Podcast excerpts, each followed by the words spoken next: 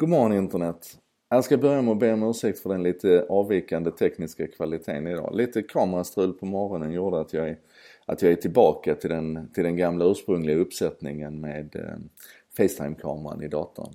Men det funkar väl ändå, det är ju ändå samtalet som är det viktiga, eller hur? Um, idag tänkte jag att vi skulle prata om, uh, om AI. Och det är nog varken första eller sista gången vi gör det, men oftast när vi pratar om AI så handlar det ju om det som händer i framkanten. Igår hade jag en upplevelse som, som kändes nästan lite omskakande faktiskt. För att allting som jag, allting som jag pratade, alla möten jag hade igår kom till att handla om AI. Och det är ju åtminstone som en bärande komponent i, i, i, i den verksamheten som jag mötte. Och då tror jag vi behöver börja fundera på hur, hur på riktigt det här är. Mitt första möte på förmiddagen det var när jag jobbade med eh, 200 personer från Åhléns, eh, deras, deras ledning.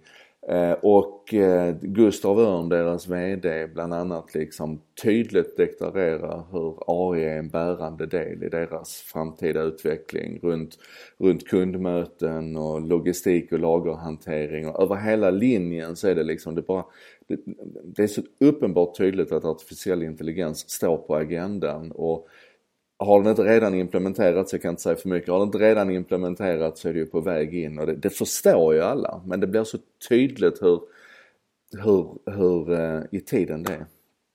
Sen hade jag tre möten på eftermiddagen. Jag träffade den tillträdande programchefen för eh, strategiska innovationsprogrammet om Internet of Things, IoT Sweden, Jin Moen. Eh, och eh, även om inte vi pratade om, om AI speciellt mycket så är det ju fullständigt uppenbart hur allting som har med Internet of Things att göra, den här stora massiva datainsamlingen som vi kommer att göra, det kommer att vara helt värdelöst utan, utan AI i botten.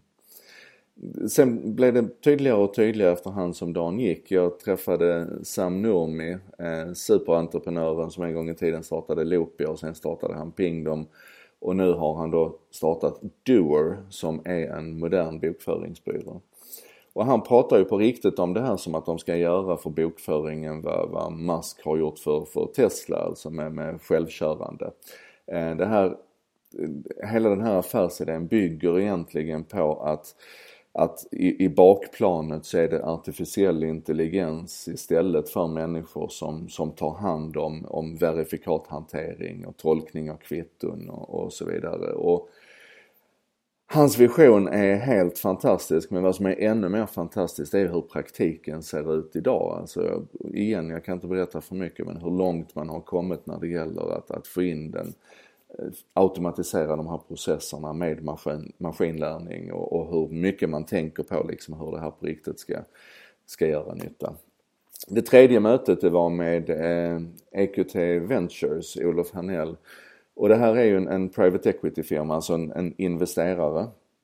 Och en av de huvudsakliga uppgifterna för investerare det är att försöka hitta bra deals, alltså hitta företag som man kan investera i och hitta det tidigare än vad vad andra aktörer gör på marknaden. Eh, en annan bärande del är att kunna analysera marknaden och se vad finns det för hot emot de här företagen som vi eventuellt ska investera i och så vidare. Och igen, tyvärr kan jag inte berätta för mycket, men vi kan ju prata om det som redan är känt. Alltså går man till Breakit till exempel och söker på Dura eller Samnomit så hit, eller förlåt, eh, söker på EQT eh, eller Motherbrain ska ni söka på, Motherbrain ska ni söka på. Då hittar ni lite grann av det de har berättat öppet om det här. Och jag kan bara säga det är mindblowing när man tittar på det.